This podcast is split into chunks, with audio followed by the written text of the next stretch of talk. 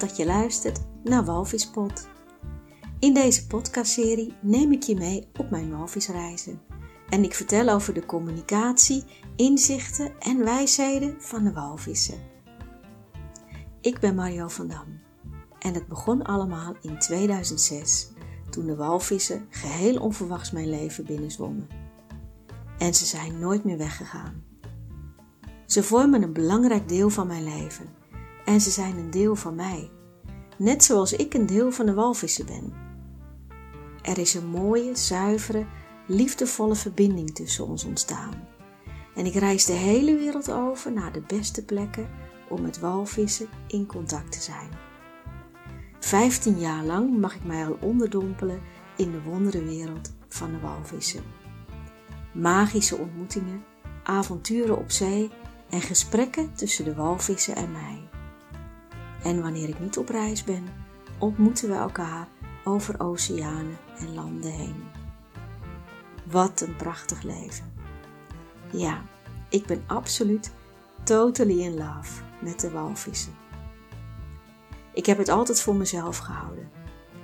Slechts gedeeld met een klein clubje mensen die me dierbaar zijn. Maar nu voelt het als het juiste moment om onze verhalen te delen met de rest van de wereld. De verhalen van de walvissen en van mij.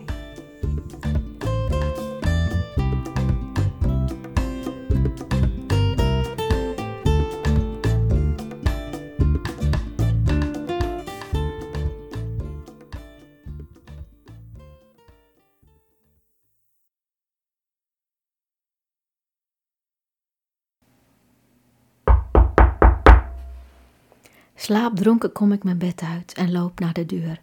In de veronderstelling dat het mijn lieve buurvrouwen zijn die even komen kijken hoe het met me gaat. Maar van voor de deur staat I. En in haar hand heeft ze het boek van Paulo Coelho. Mijn mond valt van verbazing open. Ik kom het boek terugbrengen dat ik van je geleend heb, zegt ze. En ineens word ik zo ongelooflijk boos geleend heb, zeg ik tegen haar. Hoe haal je het in je hoofd? Iets lenen, dat doe je met toestemming. Je bent mijn appartement binnengekomen. Je hebt letterlijk ingebroken. Je hebt een kaarsje neergezet wat je hebt laten branden. De hele boel had wel af kunnen fikken. En je bent ook nog in mijn slaapkamer wezen neuzen. Hoe durf je te zeggen dat ik jou een boek geleend heb? Je hebt het gewoon van me weggenomen. Weet je wel wat voor nacht ik gehad heb? Ik durfde gewoon niet te slapen. Ik was hartstikke bang. Ik voelde me onveilig. Heb je wel enig idee wat je aangericht hebt? I staat me een beetje bedremmeld aan te kijken. Ja, ik heb het alleen maar goed bedoeld, zegt ze. En uh, ja, ik, uh, het spijt me. En uh, dit was helemaal niet de bedoeling. Ik wilde alleen maar eventjes. nou ja, ik weet niet wat ze nog meer wil zeggen. Want ik pak het boek uit haar hand en ik zeg: Op dit moment heb ik geen behoefte aan een gesprek. En doe de deur voor haar neus dicht. Achter de deur leun ik tegen de deurpost. Mijn lijf trilt. Ik ben nog best van slag, merk ik. Dit is niet zomaar over. Dit heeft me echt diep geraakt. Om tien uur wandel ik het restaurant binnen. We gaan met elkaar ontbijten voordat we het water opgaan. I is er niet bij. Die is op dit moment niet welkom. De hele groep weet wat er gebeurd is. En mensen komen om me heen staan om te vragen hoe het gaat. En nou, ik, uh, weet, ik weet gewoon niet zo goed wat ik ermee aan moet. Een van mijn zwemvriendinnen slaat haar arm om me heen en zegt: Geef je angst maar aan mij. En dan breek ik. Met haar arm om me heen moet ik zo ongelooflijk huilen. Ik, die nooit huilt in gezelschap, die meestal geen zwakte laat zien, staat te huilen midden in een vol restaurant met allemaal mensen die niet bij onze groep horen en die zich omdraaien om te kijken waarom ik daar zo hard sta te huilen. En het interesseert me geen reet. Sterker nog, ik merk het niet eens. Ik laat de tranen stromen zoals ze in geen jaren gestroomd hebben. En ik word vastgehouden door liefdevolle armen. En langzaam kalmeer ik. Ik weet niet hoe lang ik gehuild heb, maar het is best wel lang, denk ik. Daarna eet ik een klein beetje en gaan we naar de boot. We zien dat het best hard waait. Dus het water opgaan om walvissen en dolfijnen te zoeken zit er niet in. Maar we gaan eerst maar eens even op de boot zitten en we luisteren naar mooie muziek. Opnieuw moet ik huilen. Het lijkt wel alsof het niet stopt vandaag. En ik heb het gevoel dat dit huilen niet alleen maar gaat over vannacht. Het trekt een veel dieper verdriet mee en ik denk dat het ook te maken heeft met de turbulente maanden. Het ziek zijn, de angst die dat met zich meebracht, maar ook de turbulente jaren ervoor. Het lijkt wel of er een dam opengebroken is en ik gewoon niet meer kan stoppen met huilen. En ik zie dat andere mensen ook ontroerd zijn en over hun ogen wrijven. En we laten het komen zoals het komt. Dat is de kracht van een groep. Even later starten we de motor. We gaan proberen of we in een baai waar het een beetje rustiger is kunnen gaan zwemmen.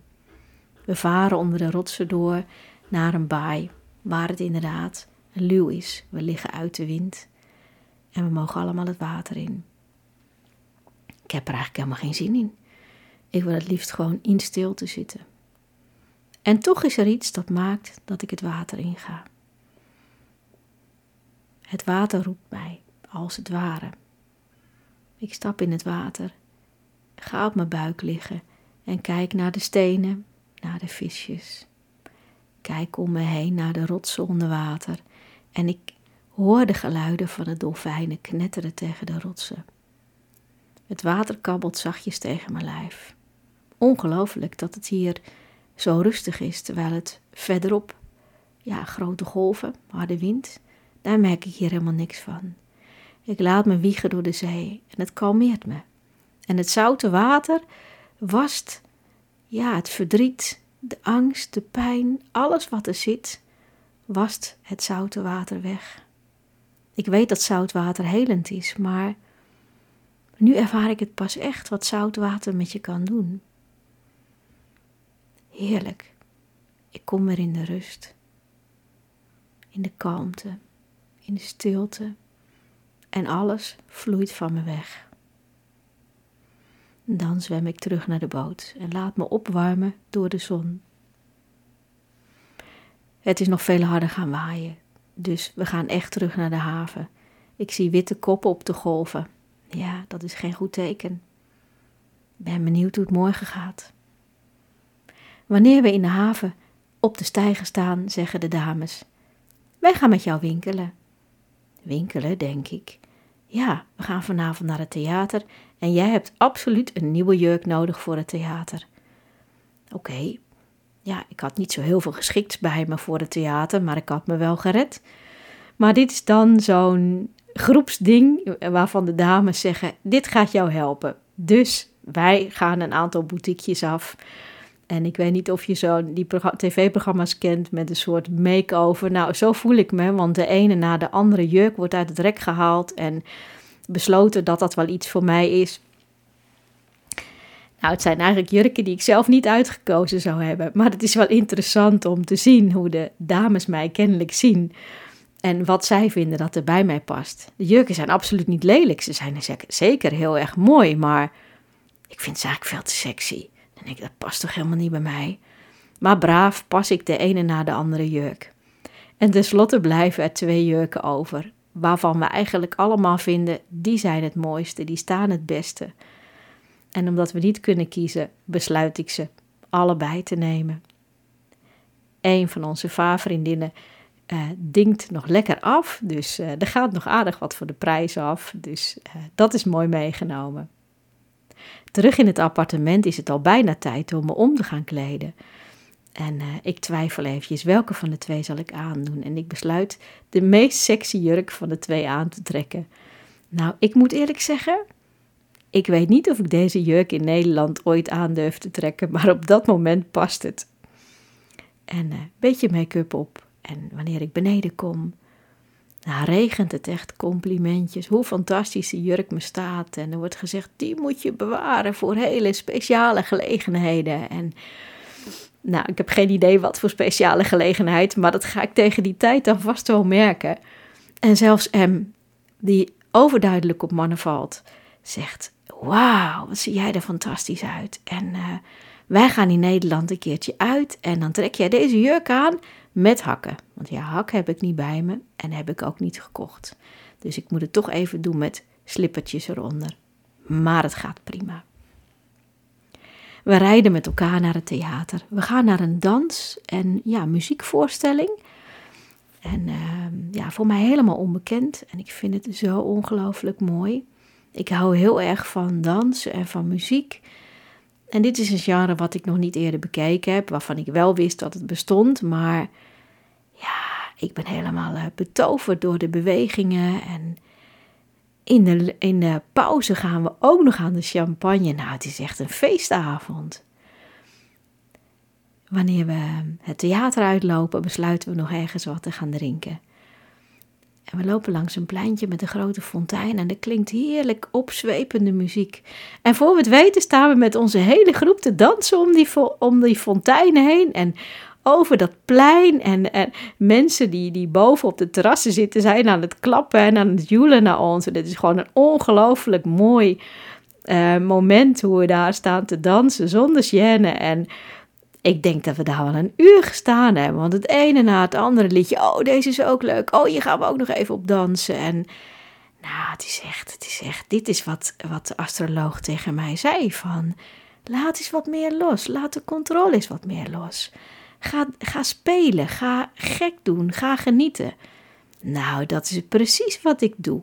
Ik slinger mij om een paal als een volleerde paaldanseres. Nou, dat is als ik eraan terugdenk, dan denk ik, nou, dat was echt wel echt, nou, echt um, uit mijn comfortzone. Maar zo leuk, zo leuk.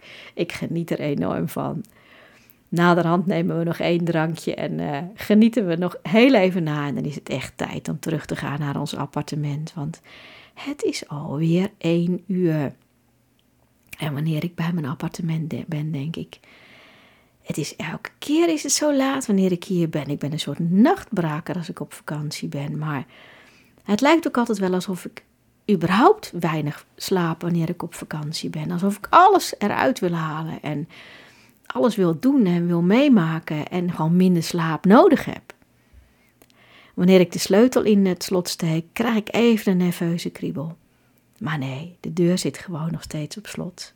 Er brandt geen kaarsje op de bar, er ligt geen briefje en Paulo Coelho ligt gewoon nog in mijn bed op mij te wachten. Nou, gelukkig. Dat is een uh, geruststelling, want ik merk dat de angst er toch nog wel een beetje in zit. Ik neem een snelle douche en duik in bed en val als een blok met Paulo Coelho naast me. Ja, je, dan heb je ook wat. In slaap. De volgende dag is een vaardag, onze laatste vaardag. Wanneer ik wakker word, bedenk ik me, ik heb hier een heel goed gevoel bij. Maar ja, misschien is het wel uh, wishful thinking.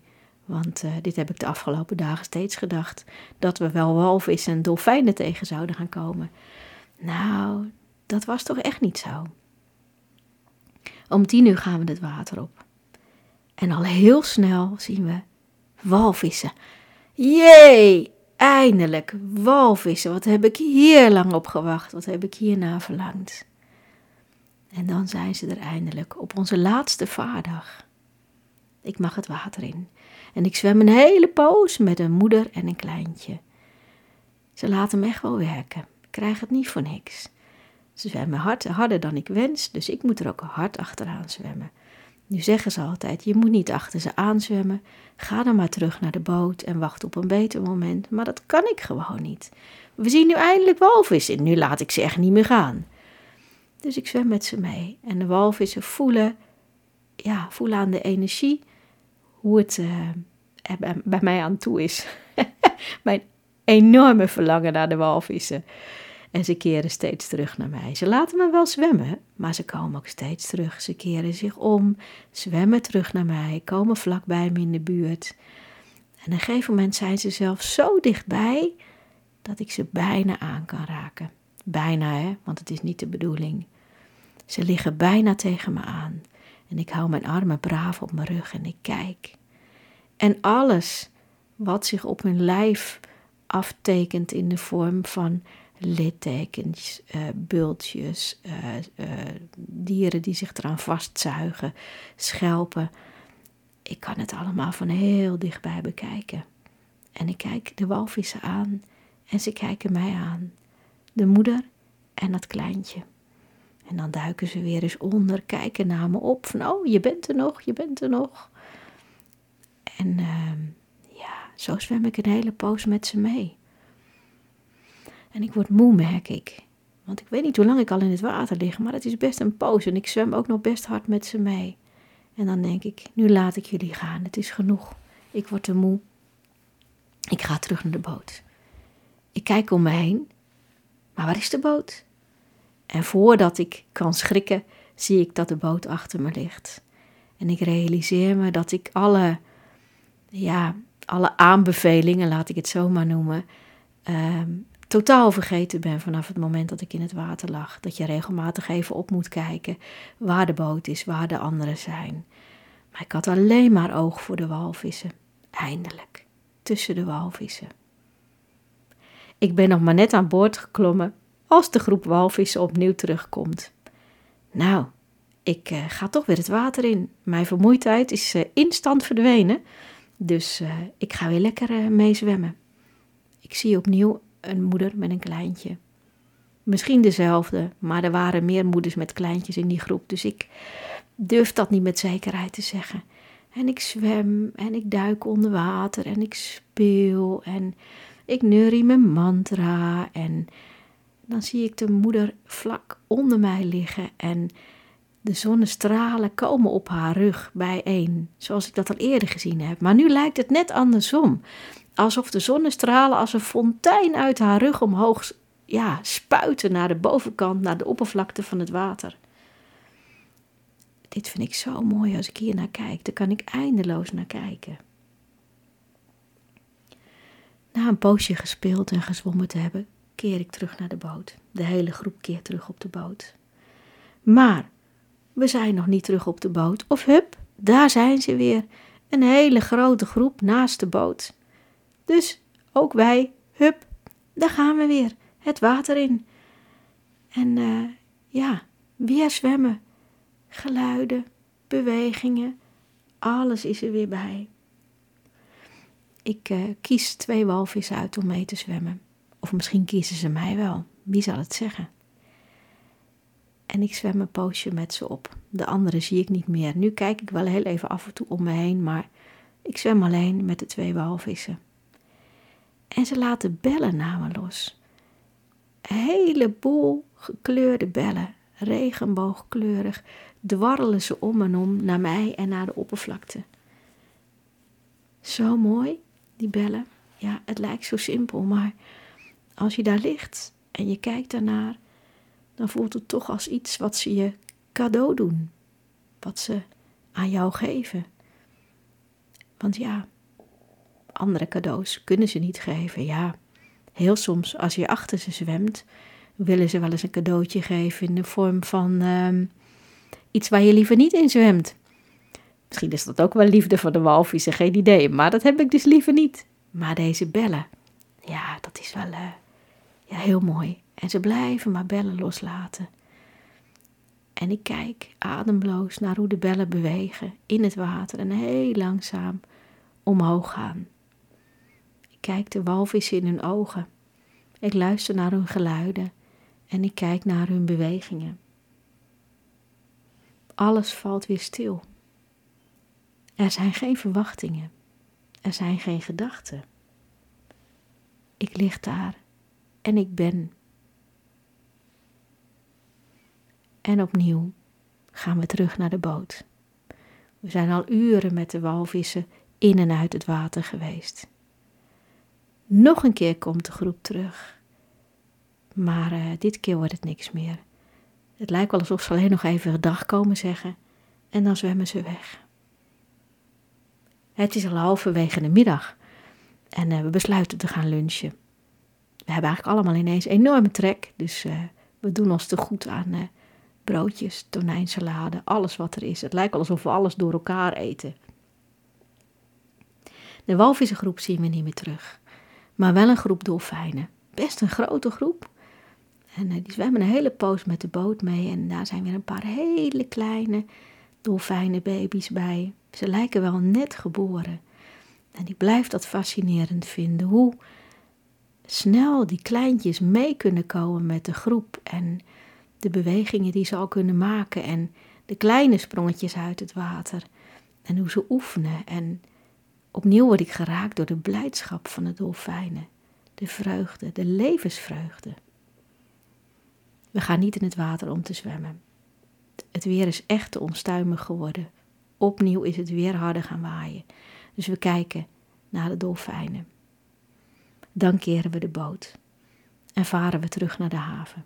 Heel langzaam, genietend van dat wat we nog zien: het water, de zon, de golven. Deze week heb ik het regelmatig moeilijk gehad.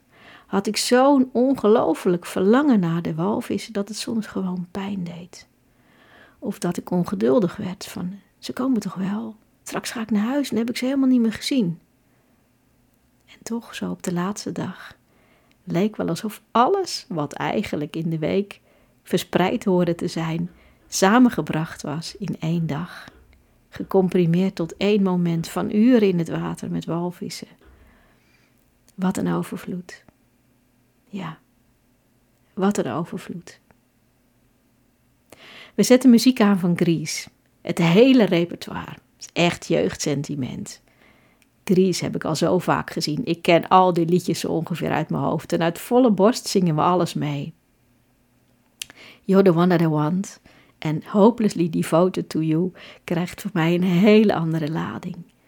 Want uh, ik ben inmiddels wel hopelessly devoted to the whales. Na een afsluitend etentje is het tijd om afscheid te nemen. De volgende dag ga ik naar huis. En gelukkig hoef ik pas halverwege de dag of net na de middag op het vliegveld te zijn. Dat geeft me heerlijk de tijd om in te pakken en rustig naar het vliegveld te gaan. Wanneer ik er aankom, blijkt mijn vliegtuig vertraging te hebben. What's new? Halverwege de dag of in de middag hebben vliegtuigen heel vaak vertraging. Maar ach, het maakt me niet uit. Ik heb deze week geoefend in geduld. niet altijd met plezier. Ik sta in de rij en ontmoet mensen die ik op de heenreis ook ontmoet had. Een muzikanten-echtpaar. Hartstikke leuk om ze opnieuw te spreken en over hun vakantie te horen. Wanneer ik bijna aan de beurt ben en we bijna aan boord mogen, word ik uit de rij gehaald. Maar nee toch, er zal toch niet iets met mijn ticket zijn? Maar ik ben de enige die uit de rij gehaald wordt. En uh, ik word in een glazen hokje gezet door de grondstewardess. Ik vraag haar in het Engels uh, wat er aan de hand is. En ze antwoordt in haar eigen taal. Dan zeg ik, uh, ik spreek je taal niet. Maar je werkt op een vliegveld, dus ik neem aan dat je toch ook wel Engels spreekt. Nou, dat doet ze niet. Dus ik heb geen idee waarom ik in dat hok sta. Even later wordt er nog een man in het hok gezet. Nou, het moet niet gekker worden. Hij vraagt in het Frans waarom, wat er aan de hand is en waarom ik in dat hok sta. Ja, jemig, dacht ik, wat is het met die talen vandaag? Nou, ergens in een stoffig hoekje duik ik wat schoolfrans op en ik uh, reageer dat ik het niet weet. Maar goed, hij begint een gesprek met mij en uh, nou ja, goed, uh, ik probeer zo goed en zo kwaad als het gaat in het Frans. Dat schijnt typisch Nederlands te zijn, hè, dat wij altijd terugpraten in de taal waarin we aangesproken worden, tenzij je hem natuurlijk echt niet beheerst. Maar goed, we hebben een gesprekje en we wachten daar. En uiteindelijk, uh, ja, mogen wij dan als tweeën, uh, als laatste, naar het vlieg, vliegtuig. En wanneer we in het vliegtuig komen, we zitten allebei op de achterste rijen, blijkt dat er achter onze rij een brancard staat met iemand erop. Oh, dat was er aan de hand. We moesten gewoon even wachten omdat die brancard geïnstalleerd moest worden. Hadden ze dat gewoon niet even kunnen zeggen dan? Dat was wel wat, uh, wat duidelijker geweest. Nou, de man gaat aan de ene kant van het gangpad zitten, ik aan de andere kant van het gangpad. We hebben allebei niemand naast ons, dus ik heb drie stoelen voor mij alleen. Dus zodra we opgestegen zijn, trek ik mijn schoenen uit, strek me lang uit uit over de stoelen en uh, pak mijn uh, fototoestel om lekker foto's te gaan kijken en mijn boek. Maar uh, die man heeft andere plannen. Hij komt naast me zitten. Het is hier veel gezelliger, zegt hij. Ja, even baal ik een beetje. Ik had lekker zin om foto's te kijken en een beetje uit te zoeken en een beetje te lezen. Maar er begint een geanimeerd gesprek. ik besluit eh, dat ik mijn stoffig schoolfrans uh, terugstop in het hoekje en uh, ik spreek hem terug in het Engels. En dat gaat wonderbaarlijk goed. Hij spreekt Frans, ik spreek Engels en we begrijpen elkaar volkomen en eigenlijk hebben we een hartstikke leuk gesprek. Op een gegeven moment pakt hij een papiertje. Wat gaat hij doen, denk ik? En hij schrijft zijn naam op en zijn telefoonnummer en zijn e-mailadres. Hij heet Bruno, zegt hij. Hij zegt: uh, Wat krijg ik van jou? Ja, werkelijk, word ik hier nou gewoon versierd in het vliegtuig? Ik zit hier met uh, hele oude gimpen en een gescheurde spijkerbroek en uh, niks aan mijn haar gedaan. Dit is toch wel heel bijzonder. Nou, denk ik, wat zal ik doen? Ik geef hem mijn e-mailadres. Dat lijkt me meer dan genoeg. En uh, mijn naam, dat mag dan ook nog. Maar uh, het is wel een leuke man. En ik ben al best een poosje alleen. Dus uh, ja, of dat nou toch komt door die sexy jurken of door de speelsheid van de dolfijnen. Ik weet het niet, maar er wordt flink geflirt. En nou, op een gegeven moment moet ik naar het toilet. Nou ja, we kennen allemaal die scènes in, in vliegtuigen van mensen die samen op een toilet zitten. Nou, denk ik terwijl ik naar het toilet loop, als hij me achterna komt, dan sta ik niet voor mezelf in. Maar dat gebeurt niet. Bruno blijft rustig op zijn plek zitten en blijft braaf wachten tot ik terug ben. Ik weet niet of ik teleurgesteld of opgelucht ben. ja, dat weet ik tot op de dag van vandaag nog steeds niet. ja, dat is wel grappig. Um, ja, nou goed, we blijven nog een poosje praten en dan uh, komen we aan op eh, het vliegtuig waar we een eh, tussenlanding maken. En waar hij uh, zijn vliegtuig neemt naar Parijs en ik naar Amsterdam. En we nemen afscheid bij de trap van het vliegtuig. En ik zeg: Ik moet rennen, anders haal ik mijn andere vliegtuig niet. En nou, hij zegt: We nemen contact op hoor, we nemen contact op. En ja, dat is goed, zeg ik. En ik zwaai hem gedag. En haal net op het nippertje mijn vliegtuig naar Amsterdam. Je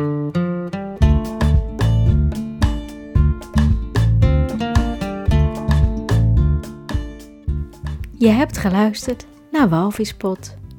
In deze aflevering heb je kunnen horen hoe ik opnieuw heel veel geduld heb mogen bewaren.